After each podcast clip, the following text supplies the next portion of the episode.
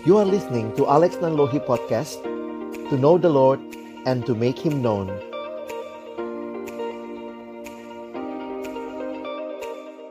Mari kita berdoa. Kami datang dalam ucapan syukur ya Tuhan. Terima kasih. Karena Engkau Allah yang terus berkenan menyapa kami Anak-anakmu ya Tuhan. Orang-orang mudamu ya Tuhan dan kami rindu kiranya ketika kami akan membuka firman-Mu, bukalah juga hati kami. Jadikanlah hati kami seperti tanah yang baik, supaya ketika benih firman-Mu ditaburkan boleh sungguh-sungguh berakar, bertumbuh, dan juga berbuah nyata di dalam kehidupan kami. Berkati baik hambamu yang menyampaikan, setiap kami yang mendengar, Tuhan tolonglah kami semua agar kami bukan hanya jadi pendengar-pendengar firman yang setia, tapi mampukan dengan kuasa pertolongan dari rohmu yang kudus, kami dimampukan menjadi pelaku-pelaku firmanmu di dalam kehidupan kami, di dalam masa muda kami. Bersabdalah ya Tuhan kami anak-anakmu sedia mendengarnya dalam satu nama yang kudus, nama yang berkuasa, nama Tuhan kami Yesus Kristus. Kami menyerahkan pemberitaan firman-Mu. Amin. Shalom, selamat malam teman-teman yang dikasihi dalam Tuhan Yesus Kristus. Saya pertama-tama bersyukur kepada Tuhan buat kesempatan yang indah ini. Kita akhirnya bisa ber apa ini ya, namanya berzumpa ya, karena ini lewat Zoom. Dan ini kesempatan yang indah untuk kita juga sama-sama belajar dari satu tokoh yang ada di dalam Alkitab. Kita akan belajar tentang Nehemia. Nah, namun sebelumnya, uh, saya ingin kita sama-sama sharing dulu gitu ya. Tentu gimana nih sharingnya dengan orang yang segini banyak, waktu dan tempat yang terbatas. Tapi yuk, teman-teman boleh share kabarmu seperti apa, biar gampang. Nah, ini uh, Ko Alex kasih gambar. Nah, coba pilih. Nomor berapa yang paling menggambarkan kabarmu hari ini?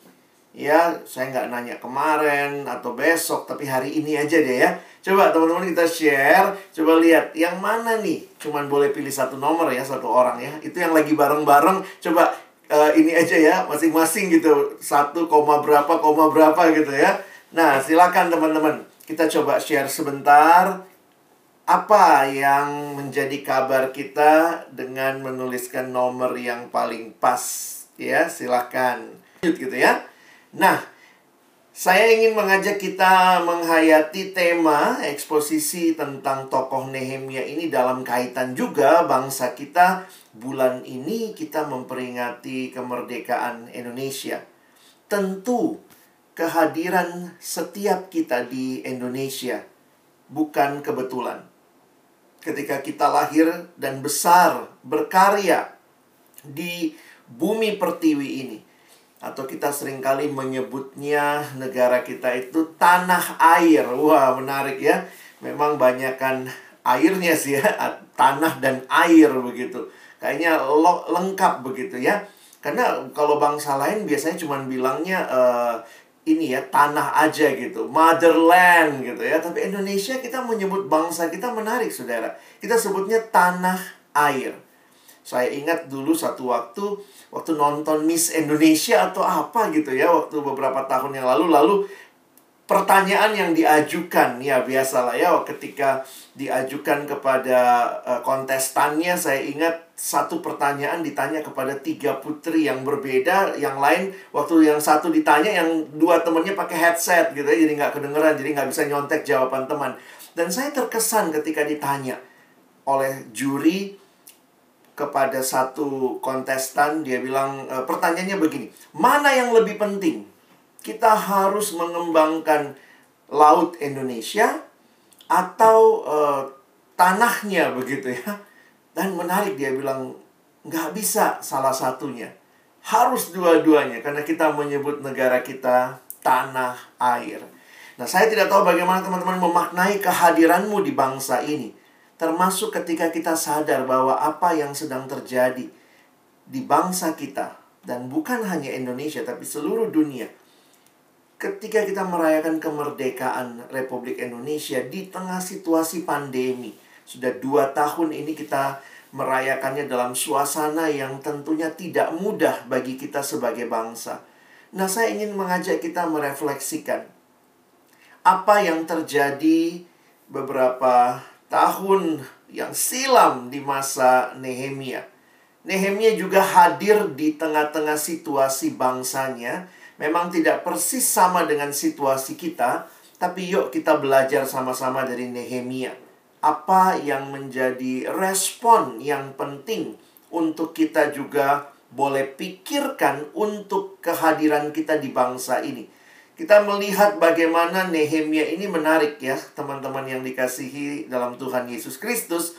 Kadang kalau kita diperhadapkan dengan satu sosok, wah kita langsung bilang, wah habis dia, dia soalnya nabi sih gitu ya. Misalnya ada Yesaya, ada Yeremia itu nabi gitu ya. Ada pemimpin kayak Musa. Nah, tapi waktu kita melihat orang seperti Nehemia, Nehemia ini apa ya? Dia seorang PNB gitu ya. Uh, apa pegawai negeri gitu ya. Uh, mirip kayak Daniel ya. Waktu itu juga dia ada di Babel gitu ya, jadi PNB, pegawai negeri Babel. Dan uh, kadang-kadang orang berpikir bahwa oh dia pantesan hidupnya kayak gitu karena dia hamba Tuhan sih. Ini bukan secara khusus hamba Tuhan tapi seorang yang benar-benar menyadari panggilannya di tengah situasi kondisi bangsanya.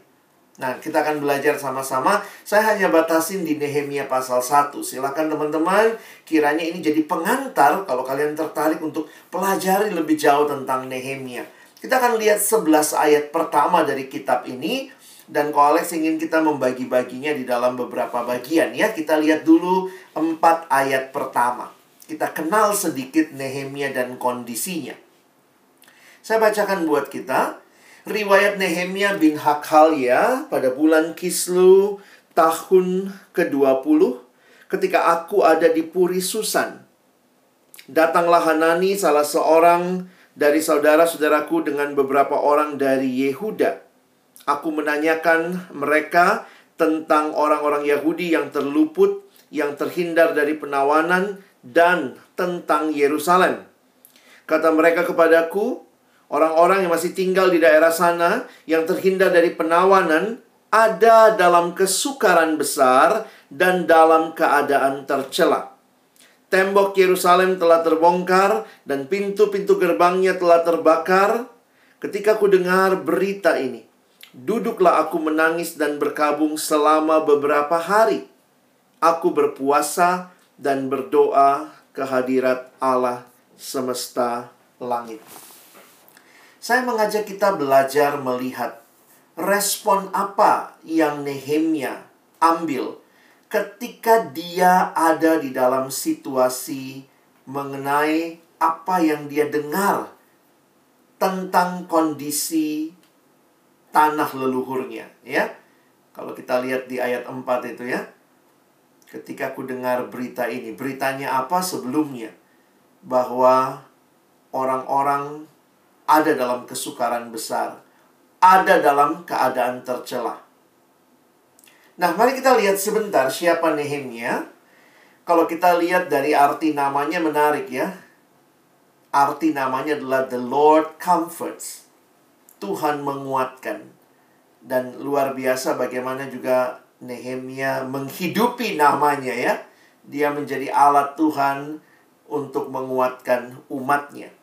Di mana Nehemia ketika dia mendengar berita yang menyedihkan itu.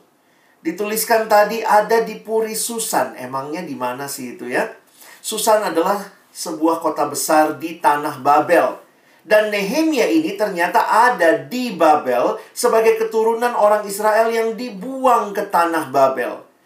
Sebenarnya menarik sekali karena di tanah Babel, walaupun sebagai orang buangan, tetapi kalau kita perhatikan di ayat 11 nanti, waktu itu Nehemia ada di Puri Susan karena Nehemia memiliki jabatan sebagai juru minum raja.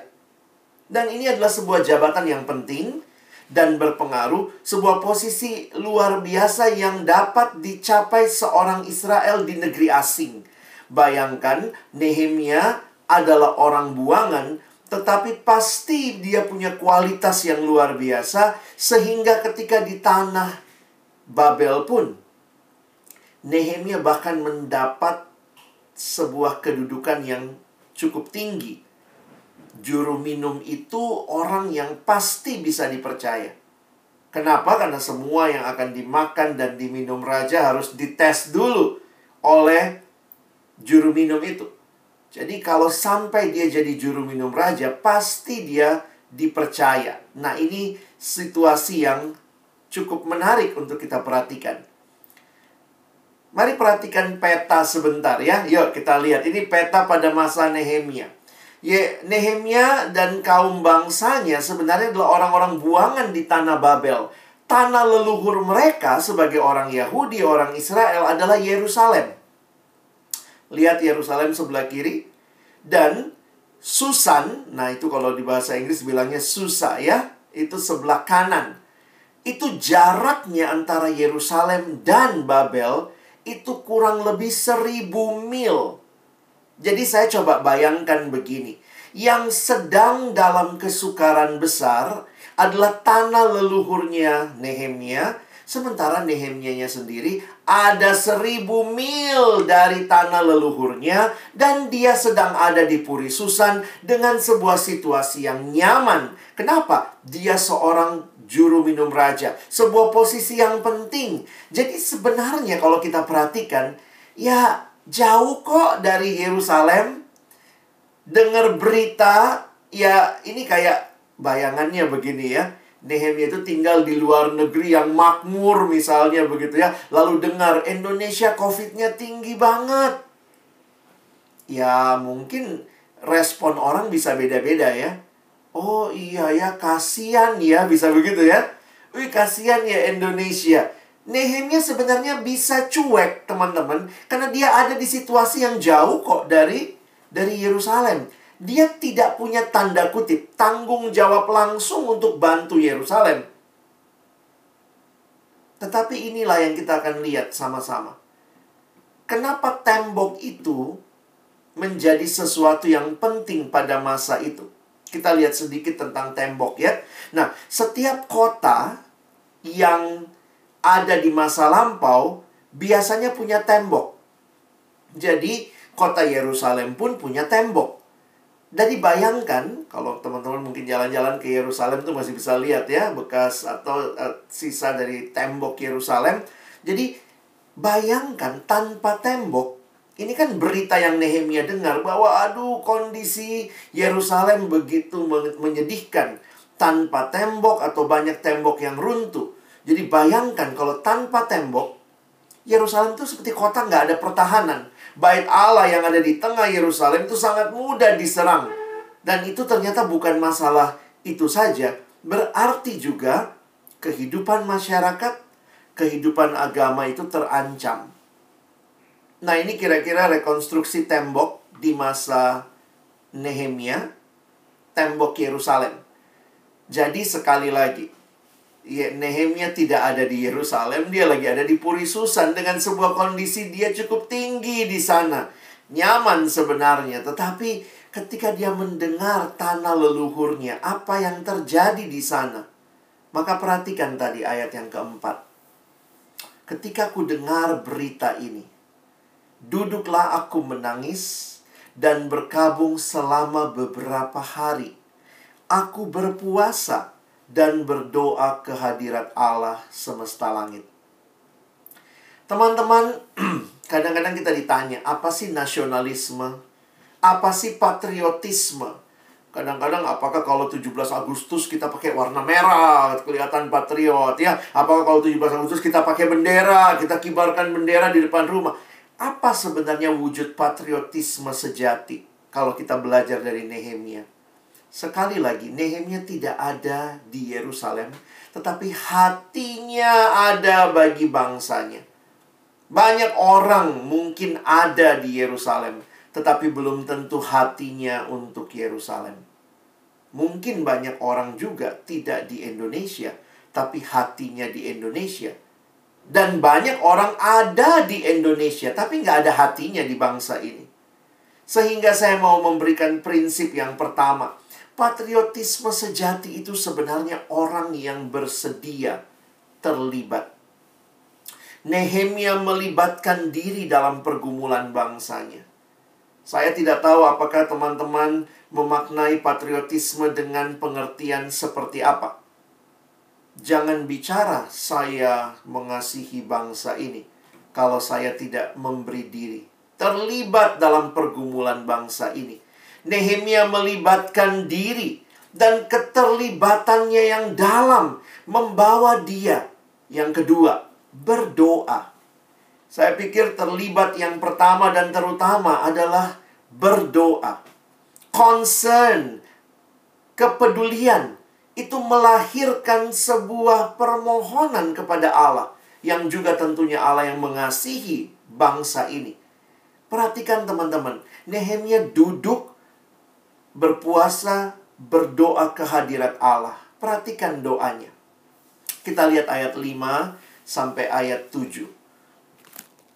Kataku, Ya Tuhan Allah semesta langit, Allah yang maha besar dan dahsyat, yang berpegang pada perjanjian dan kasih setianya terhadap orang yang kasih kepadanya, dan tetap mengikuti perintah-perintahnya. Berilah telingamu dan bukalah matamu, dan dengarkanlah doa hambamu yang sekarang kupanjatkan kehadiratmu siang dan malam bagi orang Israel. Hamba-hambamu itu dengan mengaku segala dosa yang kami orang Israel telah lakukan terhadapmu. Juga aku dan kaum keluargaku telah berbuat dosa.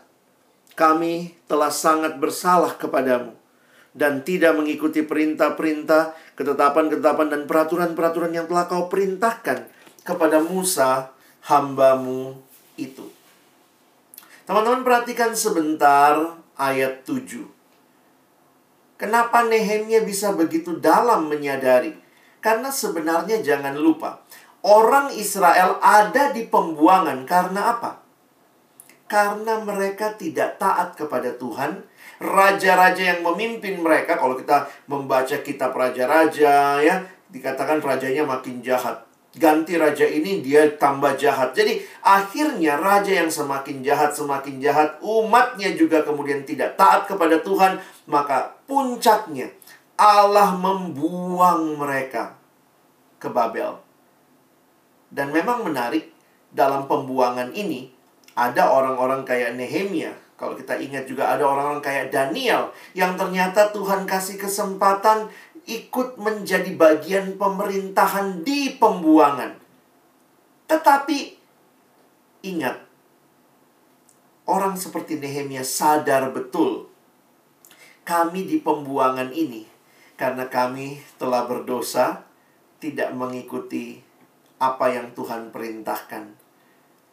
Teman-teman yang dikasihi Tuhan, Nehemia mengenal siapa Allahnya. Nehemia akhirnya mengaku dosanya, keluarganya, dan bangsanya. Kalau kita berdoa, biarlah kita menyadari kita berdoa kepada Allah.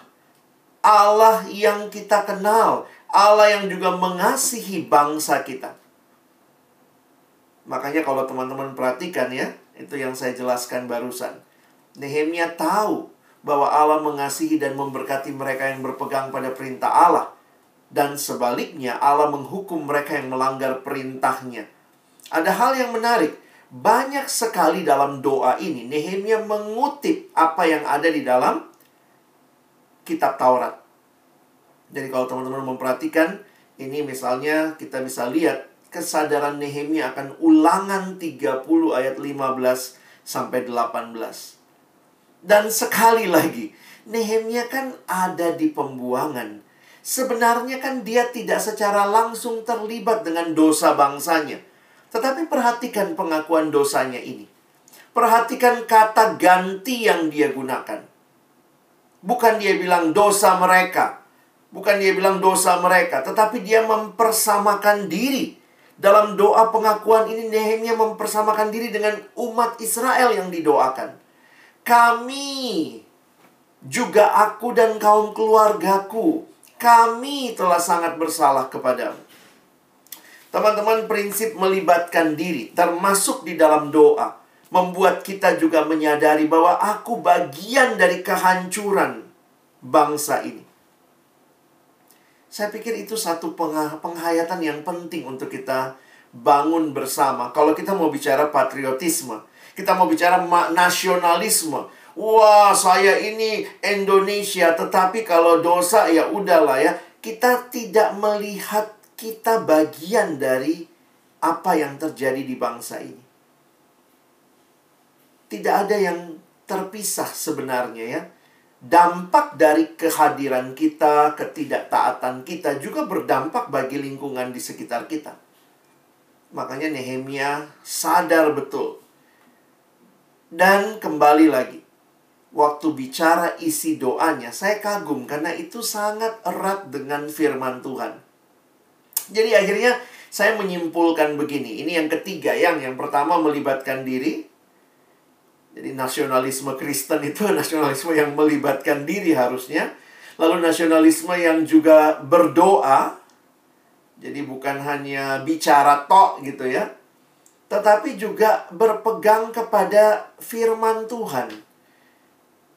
Di sinilah kita menyadari orang yang makin dekat dengan Tuhan, makin mengerti firman, sebenarnya dia akan mema makin memahami juga apa yang menjadi rencana Tuhan bagi bangsa kita. Jadi nasionalisme Kristen tidak lepas dari firman yang menjadi penuntun bagi kerohanian kita.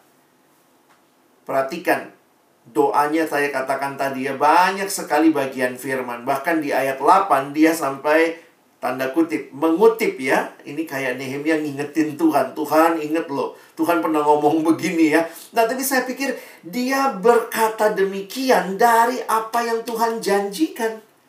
Lihat kutipan ini ya. Ingatlah kan firman yang kau pesankan kepada Musa hambamu itu yakni bila kamu berubah setia kamu akan kucerai beraikan nah ini ayat yang ulangan tadi ya.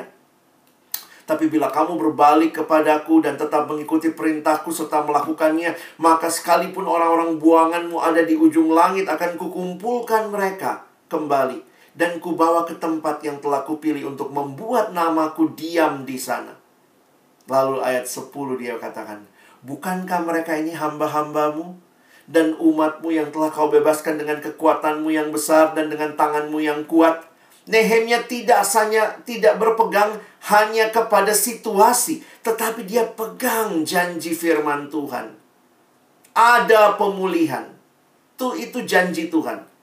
Kalau mereka berbalik mengikuti perintah, maka sekalipun di ujung langit kamu kubuang, akan kukumpulkan kembali. Wow, kalau kita melangkah di tengah bangsa ini, Kadang-kadang kalau lihat Indonesia kita suka berasa nggak ada masa depan ya. Waduh, pemerintahnya kadang-kadang masih begini. Aduh, kayaknya pemimpin-pemimpinnya begitu. Tetapi apa yang menuntun kita? Mengarahkan hati kita. Saya pikir harusnya firman Tuhan dan janji-janji Tuhan. Bahwa Tuhan mengasihi bangsa ini. Tuhan mau kita terlibat. Tuhan akan memulihkan dan ada bagian kita di dalamnya. Dan itu banyak sekali di dalam firman. Kita dipanggil jadi garam, jadi terang. Saya pikir jangan cuma berpikir garam dan terang di Yahudi, di Israel. Enggak, garam dan terang di bangsa ini. Pegang janji Tuhan, pegang firman Tuhan. Banyak anak muda sekarang maunya jadi YouTuber. Kenapa? Jadi influencer. Kalau kamu belajar firman Tuhan, pegang janji Tuhan, jelas banget kamu adalah garam dunia. Kamu adalah terang dunia. Kita nggak perlu jadi influencer. Kita influencer. Karena kita garamnya dunia. Karena kita terangnya dunia. Kita itu influencer di Indonesia. Hai orang Kristen, sadari. Engkau harus hadir membawa pengaruh. Pengaruh positif. Jadi memang influence itu tidak melulu bicara jumlah follower. Tetapi di mana engkau hadir? Apakah di rumah engkau sudah jadi influencer? Apakah di sekolah, apakah di kuliah, apakah di pekerjaan, engkau jadi influencer ketika engkau memberi pengaruh kepada orang-orang di sekitarmu. Kenapa? Karena engkau garam dan terang dunia. Belajar dari mana? Dari firman Tuhan. Maka firman Tuhan itu mengarahkan nasionalisme kita. Jadi kita tidak hanya jadi orang yang bicara nasionalisme, pasang simbol-simbol, kadang-kadang taruh merah putih di pipi begitu ya. tapi nggak pernah berdoa buat bangsa, nggak pernah baca Alkitab. Jadi banyak kali saya pikir, wow, slogan-slogan yang diutarakan kiranya masuk menjadi sebuah kehidupan seperti Nehemia yang kita pelajari hari ini. Saya menulis Nehemia yang mengetahui isi dan arti hukum Taurat serta sejarah bangsanya. Wah, menarik ya. Coba pelajari sejarah bangsa kita. Teman saya, kalau kalian lihat uh, YouTube-nya ya, saya senang ikutin YouTube-nya uh, adik saya Andre Tunggal. Kalau lihat ya, dia bikin beberapa video tentang Indonesia. Dia dia research itu ya, dia bilang saya research kok. Saya baca buku-buku dahulu, kemudian dia belajar sejarah, terus dia bagiin tuh. Dan dia bagiin dengan menarik ya dia bikin videonya dengan menarik. Jadi akhirnya baru tahu, oh itu orang Kristen toh. Ternyata kalau kita lihat bangsa ini, bangsa ini tidak hanya didirikan oleh orang-orang dari agama tertentu. Ada orang-orang Kristen yang juga punya peran andil membangun bangsa ini. Kalau kamu mau tahu apa peran Kristen, jangan berpikir kayaknya kita di bangsa ini, oh bangsa ini didirikan oleh agama yang X, oh kita orang Kristen numpang di sini. Tidak, kita bagian dari sejarah bangsa ini. Pergilah ke taman makam pahlawan, engkau akan lihat di sana bukan hanya pusaranya satu agama, ada banyak salib di sana. Berarti untuk membangun bangsa ini ada begitu banyak orang percaya. Bahkan waktu lihat Andre memberikan beberapa pemaparan, ada juga yang Tionghoa. Kadang-kadang kita pikir, wah Tionghoa ini, wah kita di bangsa ini mah ya bukan apa-apalah, kita warga kelas 2 lah. Aduh, janganlah terlibat politik, ah nanti kayak Pak Ahok lagi masuk penjara lagi ya. Tapi lihat bahwa bangsa ini juga ada bagian dari orang-orang Tionghoa. Yang akhirnya ya bukan bicara warga negara uh, China, sudah lahir di bangsa ini, warga negara Indonesia. Jangan cuman belajar lihat dengan mata yang sempit. Buka, belajar sejarah. Engkau tahu ada beberapa nama yang sangat jelas mereka orang Kristen. Sangat jelas mereka ada yang orang Tionghoa. Nehemia tahu hukum Taurat, tahu firman tapi tahu sejarah bangsanya dan dia sadar betul bahwa apa yang terjadi ini juga bagian.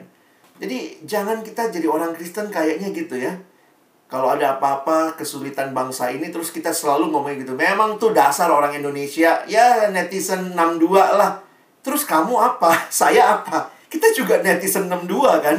Sehingga kita bisa juga meratap bersama Tuhan. Gua nggak lebih baik dari mereka. Kadang-kadang kita cuma mikir ya itu mereka, mereka.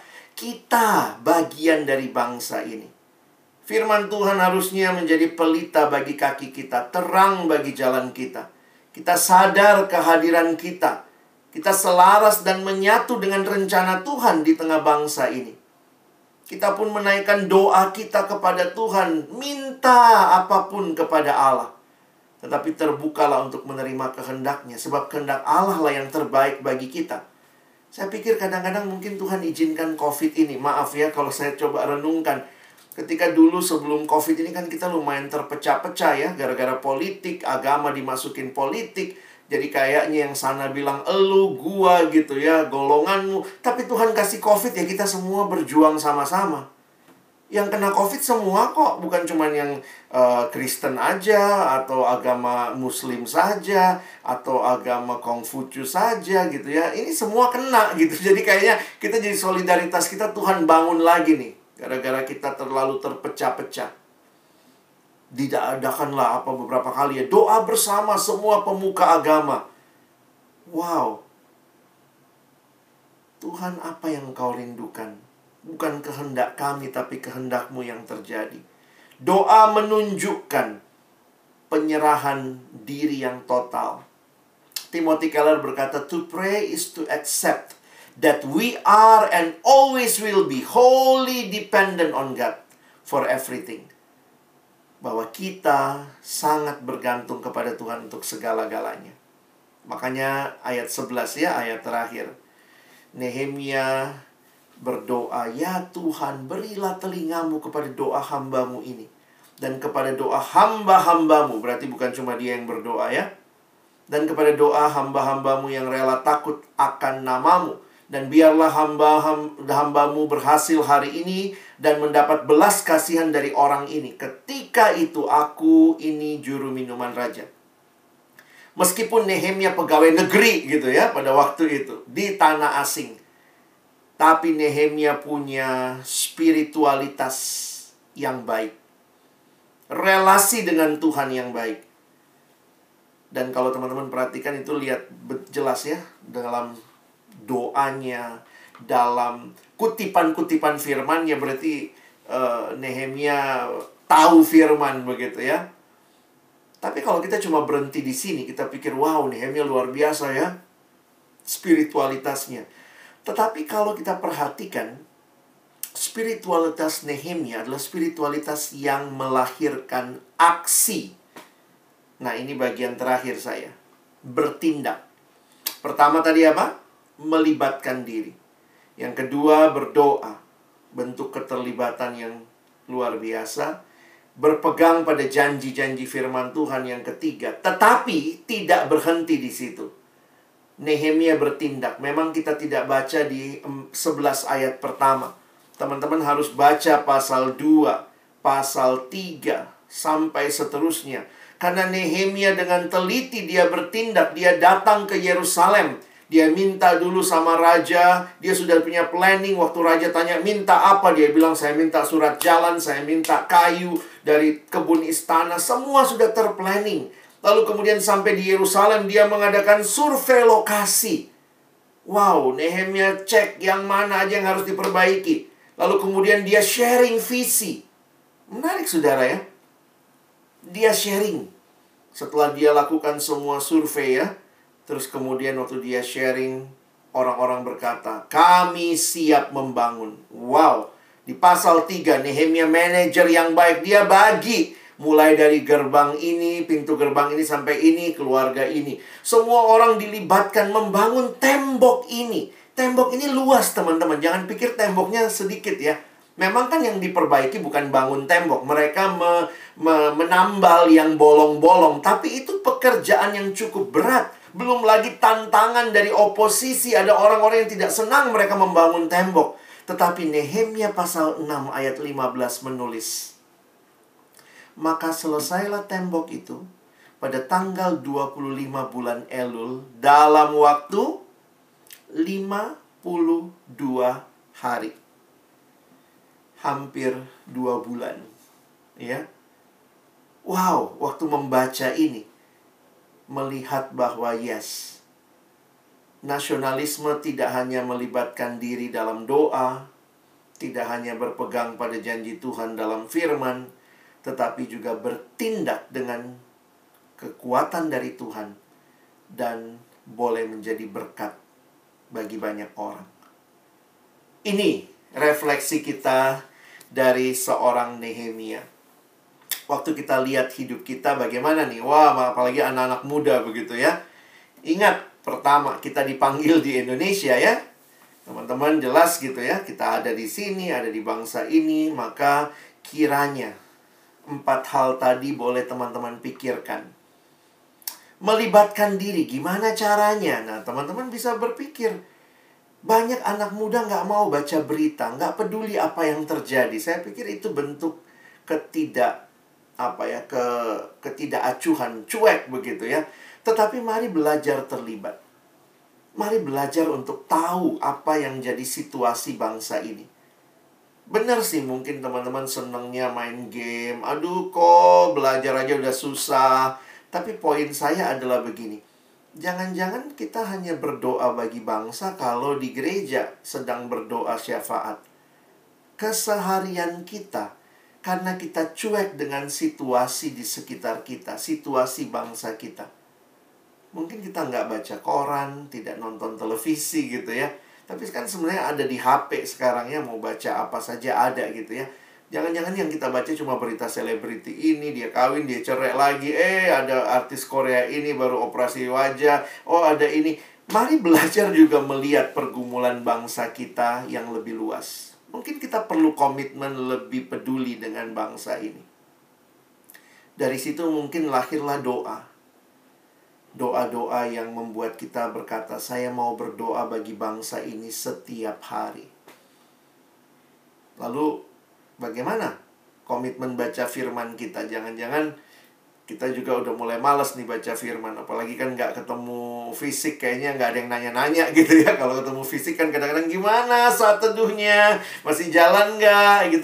Gimana saat teduhnya? Teduh teduh banget gitu ya. Dan akhirnya kita bertindak.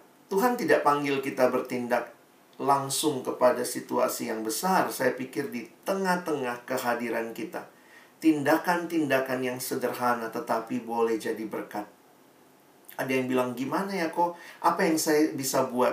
Apa yang teman-teman bisa? Kadang-kadang dalam situasi ini ya banyak kreativitas juga ya. Ada yang jualan atau untuk survive bertahan hidup. Ada yang kemudian dia lihat tetangganya. Saya ketemu ada anak yang uh, saya dengar ya, ada anak yang dia lihat nih tetangganya jualan, udah encim-encim, udah tua, nggak tahu gimana caranya jualan, mau keliling, biasanya dia keliling agak susah. Maka dia tolongin, dia bikinin aplikasi misalnya ya, dia posting, dia posting di medsos. Anak sekarang kan punya medsos. Lalu dia bilang, jadi jangan berpikir bertindak itu apa yang kamu nggak punya. Oh, saya ingin bagi sembako ke seribu RT. Ya, yang kamu punya apa deh? Gue punya medsos kok. Mungkin kamu bisa posting, repost. Nih ada tetangga gue jualan, dia nggak punya IG, nggak punya apa. Lu kalau mau pesan ini nomornya ya. Saya lihat ada beberapa anak gereja begitu loh. Dan saya pikir, yes, dia tidak bicara sesuatu yang dia nggak punya. Bertindak dari apa yang kamu punya. Ini situasi yang nggak mudah. Kadang-kadang kita perlu lebih peka. Pakai apa yang kita punya. Oh, saya ingin membangun kejujuran. Mari posting hal-hal yang baik mungkin di medsosmu bertindak tidak hanya bicara sesuatu yang besar tetapi yang sederhana karena kerajaan Allah dibangun saya yakin dari anak-anak muda yang ada di tengah keluarga, ada di tengah gereja, di tengah kota, bangsa, bahkan dunia, kerajaan Allah. Kita perlu meyakini bahwa Tuhan punya rencana bagi setiap kita dalam kondisi Indonesia saat ini. Dan Tuhan mau melibatkan kita di dalamnya. Karena itu pertanyaannya. Ketika Nehemia sudah melakukan bagiannya di masanya, di zamannya. Bagaimana dengan saudara dan saya di masa kini? Apa yang akan kita lakukan? Komitmen-komitmen apa yang kita akan buat? Mungkin sederhana, simple, kecil, tetapi itu menjadi bagian yang Tuhan bisa pakai bagi kemuliaan namanya. Izinkan Koko di akhir ini ajak kita sedikit refleksi dan coba pikir ya. Kalau gitu setelah dengar firman ini apa ya yang menjadi komitmen yang bisa saya lakukan? Bukan bicara hal-hal yang kita sulit lakukan, tapi apa yang bisa kita lakukan secara sederhana. Saya minta kita ambil waktu sebentar saja kalau kalian bisa coba masuk ke bisa scan barcode ini. Ya Koko sudah kirim juga linknya di uh, live chat. Silakan teman-teman setelah dengar firman ini apa komitmen yang bisa kita ambil? Mungkin satu dua hal yang sederhana ya. Nggak usah tulis nama tapi biarlah waktu kita lihat komitmen teman kita. Kalau kita rasa ya itu juga nih bisa jadi komitmen gua kita like aja gitu ya. Jadi kita boleh saling berbagi Nah, nanti Koko akan share Padletnya. Silakan untuk teman-teman bisa klik linknya. Kita bisa sama-sama saling berbagi apa yang jadi komitmen kita setelah kita mendengar firman Tuhan malam ini. Koko tunggu kita boleh saling share. Linknya tetap dibuka sehingga teman-teman bisa menuliskan komitmen kalian. Thank you ya patuhi peraturan. Itu hal simple ya. Tapi situasi begini ya kita terus harus ingat jaga kondisi ini dengan ikuti peraturan yang baik. Lebih mempedulikan Indonesia melalui doa dan tindakan. Puji Tuhan ya. Silakan boleh. Kalau kamu rasa, aduh, gue mau nulis tapi kayaknya sama deh like aja gitu ya. Bisa di like kok ya. Tapi kalau ada yang kamu rasa Tuhan ingatkan malam ini, coba silakan Koko tunggu. Kita bisa share ya satu sama lain. Komitmen setelah kita dengar firman Tuhan. Yes, lebih impact, impactful ya, lebih berdampak buat sesama. Berdoa untuk orang lain. Wow. Thank you biarlah kita boleh ingat ya kita ada di bangsa yang yang membutuhkan doa-doa kita. Yang netizen 62 tuh bukan yang sono aja kita juga gitu ya. Ya sama-sama kita bangun komitmen. Mau mendoakan Indonesia. Thank you. Melakukan kebaikan tanpa pandang bulu. Ya, puji Tuhan bijaksana berkomentar tentang Indonesia. That's good, ya. Jangan komen-komen yang akhirnya malah melemahkan. Kita bangun nasionalisme yang benar. Thank you. Sharing hal-hal positif di sosmed. Thank you. Mendoakan Indonesia serta pemerintahnya setiap hari. Ya ini Tuhan tolong kita lakukan ya. Baik. Uh, Berbuat baik serta berdoa kepada sesama terutama yang saat ini kesulitan secara ekonomi. Thank you. Mencari tahu lebih lagi tentang Indonesia, lebih peduli dengan bangsa ini. Baik, nah Koko masih buka. Kalau teman-teman masih mau tulis, silakan ya. Linknya ini tetap terbuka sih. Jadi kalau kalian mau lihat lagi, kalian bisa masuk ke sini. Doa puasa bagi Indonesia. Wow bagus jadiin gerakan bersama ya misalnya sebulan sekali pas tanggal 17 setiap 17 setiap bulan kita doa puasa. Kena hari apa ya? Udah ya. Kita lebih gampang begitu ya. Setiap bulan mungkin kita sama-sama berdoa bagi bangsa. Kasih berita baik soal vaksin. Wow. Untuk warga terdekat dalam satu gang yang masih ragu atau takut soal vaksin covid. Wow ini bagus nih ya. Ini kontekstual dengan ada apa yang karena banyak orang nggak mau divaksin ya. Jadi saya harap ini juga jadi uh, kerinduan kita. Thank you buat sharing teman-teman. Silakan kalau masih ada sharing, masih mau sharing ide, Padletnya tetap terbuka. Nanti kita boleh sama-sama saling doain ya. Mari saya ajak kita berdoa menutup firman Tuhan malam ini.